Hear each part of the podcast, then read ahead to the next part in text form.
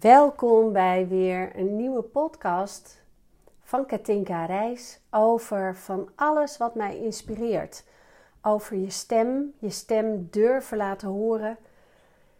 En wat ik met je deel is wat mij bezighoudt, wat mij inspireert. De fase waar ik in zit, omdat ik denk dat we ontzettend veel kunnen leren van elkaar.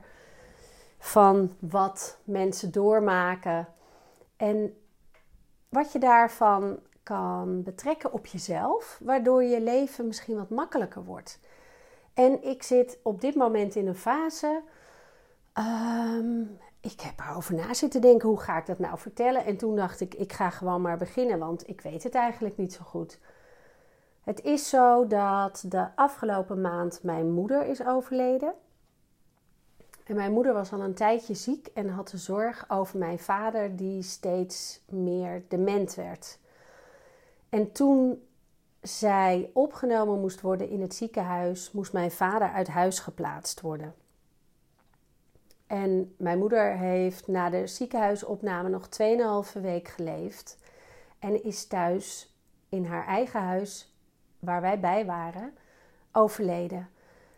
En het houdt mij bezig wat er gebeurt als je moeder overlijdt. Maar in mijn geval, mijn vader is zo dement dat hij ons niet meer kent. En hij zit nu in een uh, afdeling van een verpleeghuis. En hij vindt het leuk als we langskomen, maar hij herkent ons niet als zijn dochters of vrienden of andere familie. Dus voor mijn gevoel is het zo dat ik in de afgelopen maand mijn beide ouders, die nog thuis woonden in mijn ouderlijk huis, dat ik die soort van verloren heb.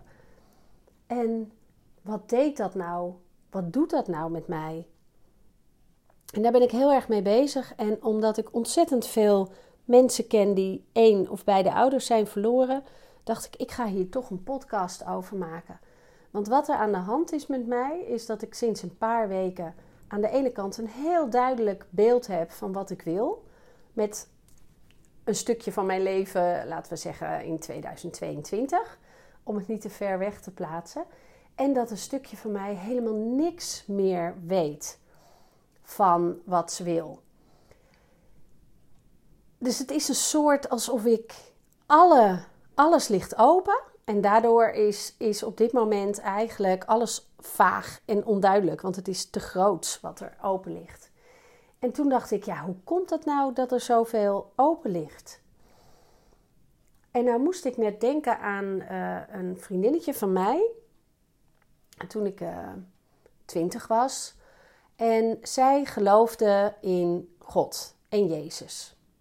En daar hadden wij een gesprek over. En ik vroeg haar: hoe is dat dan als je uh, gelooft in God en Jezus? Hoe zie je dat dan? En toen zei zij: Nou, ik zie het zo dat Jezus een beetje is hoe je ouders ook zijn. Dat je alles probeert goed te doen in je leven voor je ouders. En in haar geval dus ook nog voor Jezus. En ergens is dat altijd bij mij blijven hangen, want dat is 35 jaar geleden dat ze dat vertelde. En toch weet ik het nog als de dag van gisteren.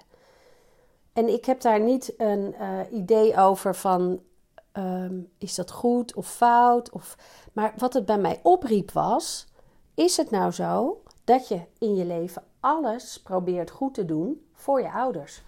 En aangezien mijn ouders nu overleden zijn, mijn moeder is overleden, mijn vader nog niet, maar de vader zoals ik hem kende, eigenlijk wel.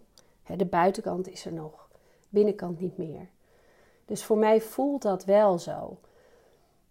En nu ligt ineens alles voor mij open. En ik voelde me ook een stukje uh, bevrijd van de zorgen die ik over mijn ouders had. En ik merk nu uh, het is zo'n anderhalve week uh, na de uitvaart van mijn moeder en ze is exact twee weken geleden overleden. Hoe vaak ik op een dag denk: hoe zal het met mama zijn? Of hoe zou het met papa gaan? En ik moet even een berichtje sturen. Nou, zover gaat het nou net niet dat ik dat denk, maar dat zit dus op de grens. Dus zo vaak ben ik bezig geweest het afgelopen jaar, twee jaar, met hoe zou het met mijn ouders zijn.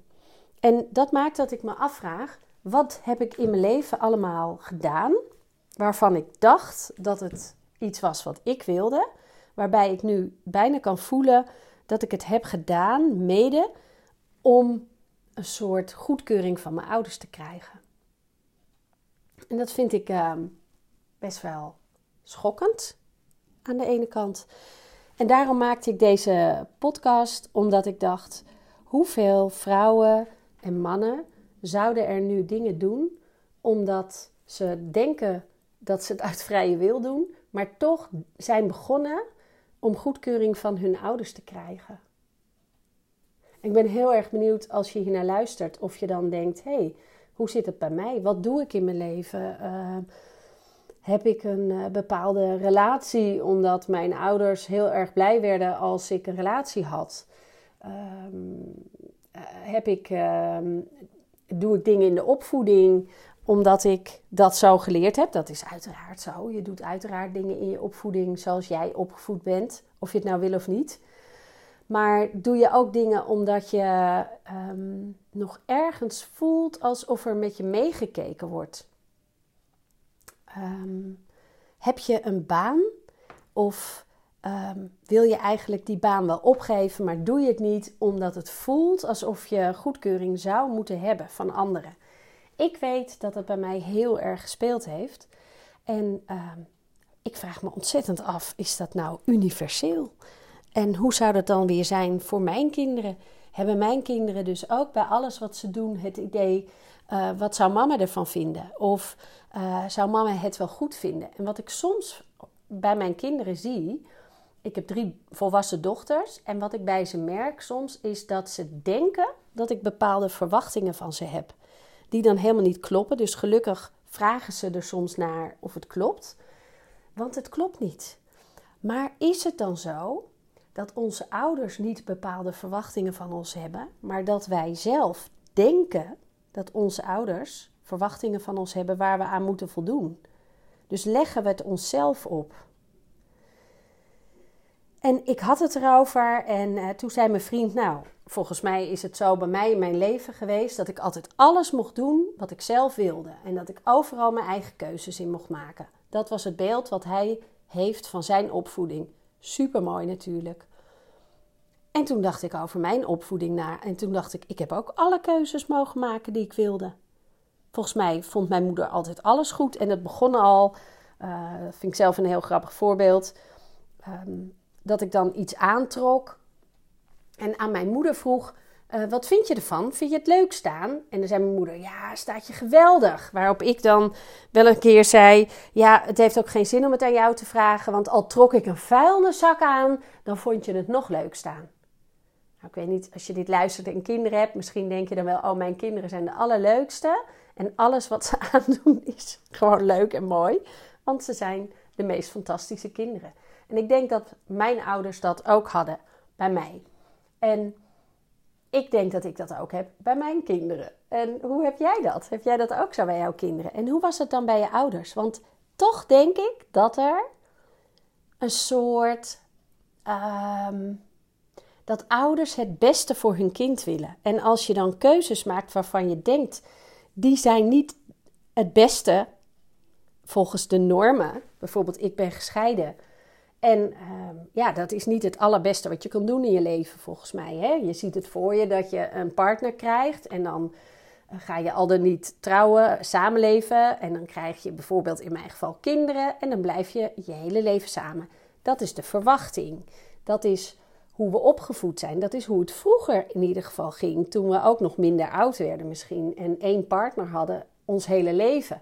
Is dat wel reëel om dat te verwachten nu? Of verander je in de loop van je leven en groei je dan uit elkaar? Dat kan. Maar de verwachting is toch, je gaat trouwen. En dat doe je één keer in je leven. één keer op die manier. En dat doe je in principe voor de rest van je leven. Toch? Dus toen ik ging scheiden, voldeed ik niet aan de verwachting van mijn ouders. Terwijl mijn ouders zoiets hadden: als jij, als jullie niet gelukkig zijn, dan um, zullen wij de laatste zijn die verwachten dat je bij elkaar blijft. Maar waarom heeft dat voor mij toch gevoeld dat ik mijn ouders teleurstelde? Want dat is denk ik waar het om gaat. In mijn eigen hoofd moeten dingen op een bepaalde manier, omdat je ouders dat van je verwachten. Oh, en ik hoop echt dat jullie reageren op deze podcast. Misschien als je hem luistert, dat je me kan taggen op Insta of dat je me een berichtje kan sturen. Want ik ben hier echt super mega benieuwd naar. Hoe is dat voor jou als ik deze dingen vertel? Raakt het je? Denk je wat een onzin? Of herken je het? En wat ik in ieder geval merkte was de afgelopen weken voelde het ineens alsof alles open ligt voor mij, voor wat ik ga doen. Dus is het dan zo dat ik een deel van wat ik doe ben blijven doen om te voldoen aan verwachtingen? Verwachtingen van mijn ouders, verwachtingen van, anders, van anderen? Of zijn het verwachtingen die je zelf hebt, van jezelf? Nou, als je het weet, help me. Voor mij maakt het in ieder geval dat ik nu alles anders bekijk. En dat ik bij alles denk: uh, oké, wat wil ik eigenlijk zelf als het er niet meer toe doet? Als ik niet meer um, de eigen praktijk die ik heb gehad als logopedist. En uh, ik, dat doe ik nog een heel klein beetje. Uh, als stemlogopedist, maar als stemcoach doe ik heel veel. En als coach van vrouwen, om ze een lichter, leuker leven te laten ervaren. Um, presentatiecoach, je verhaal vertellen. mijn, uh, mijn nieuwste plan is een Free Your Voice event volgend jaar. Waarin je je stem mag laten horen en je verhaal mag vertellen. Waardoor er meer vrouwen hun verhaal gaan vertellen en op het podium klimmen. Of uh, daarna uh, aan tafel in een talkshow uh, verschijnen. laat je stem horen. Hou je niet kleiner. Denk niet dat andere dingen van je verwachten. En daar past dit zo bij. Wat wil ik eigenlijk? Heb ik die praktijk langer gehouden omdat ik moest, omdat ik het geld nodig had, omdat ik het ook leuk vond of omdat het van me verwacht werd, omdat ik het van mezelf verwachtte? En wat ga ik dan nu doen? Wat ga ik, waar ga ik dan nu mee beginnen? Of laat ik alles zoals het is? Wat wil ik nou eigenlijk echt? Wat vertelt mijn innerlijke stem? Mijn intuïtie, mijn hart, mijn gevoel. Wat zeggen die nou tegen mij? Je mag alles doen wat je wil. Er is niemand meer die over je schouder meekijkt.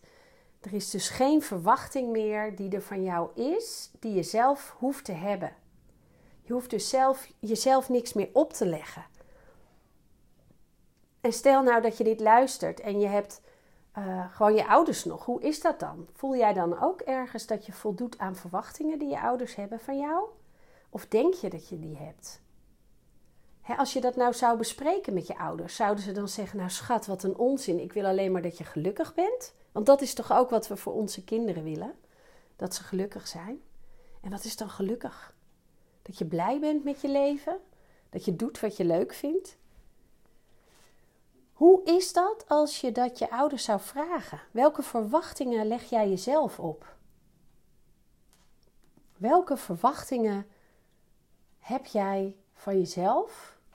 En hoe zou het zijn als je die niet meer hoeft te hebben? Als je alles, alles zou mogen doen en kiezen wat je wil. Als alles open ligt. Wat zou je dan kiezen? Wat zou je dan doen? Zou je dan doen wat je nu doet? en, en natuurlijk moet je, uh, heb je rekening te houden met wat er van je verwacht wordt, ook qua uh, financiële kant. Wat heb je nodig? Dus stel dat dat geen rol speelt. Hoe zou het dan zijn? Zou je dan nog doen wat je deed? Wat je nu doet? Of zou je wat anders kiezen? En zou je dan die toestemming nodig hebben van je ouders? Of zou je dan, ook als ze overleden zijn, nog steeds denken: wat zou mijn moeder hiervan vinden? Ja, ik ga dat uitvinden. Ik ga dat uitzoeken. En ik heb plannen voor het nieuwe jaar. Ehm, of, of nog iets verder weg, ik weet het niet. Maar ik ben daarover bezig. Wat wil ik um, voor kleins? En, en, klein kan dan een eenmalig iets zijn, of een event, of uh, uh, misschien is het iets groots. Een holistisch centrum waar uh, een groep vrouwen werkt die medisch, paramedisch opgeleid zijn en wat losser willen van de zorg.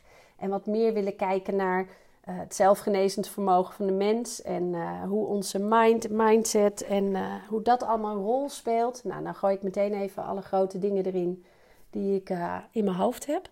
Maar hoe is het? Ga ik dat, ga ik dat beginnen?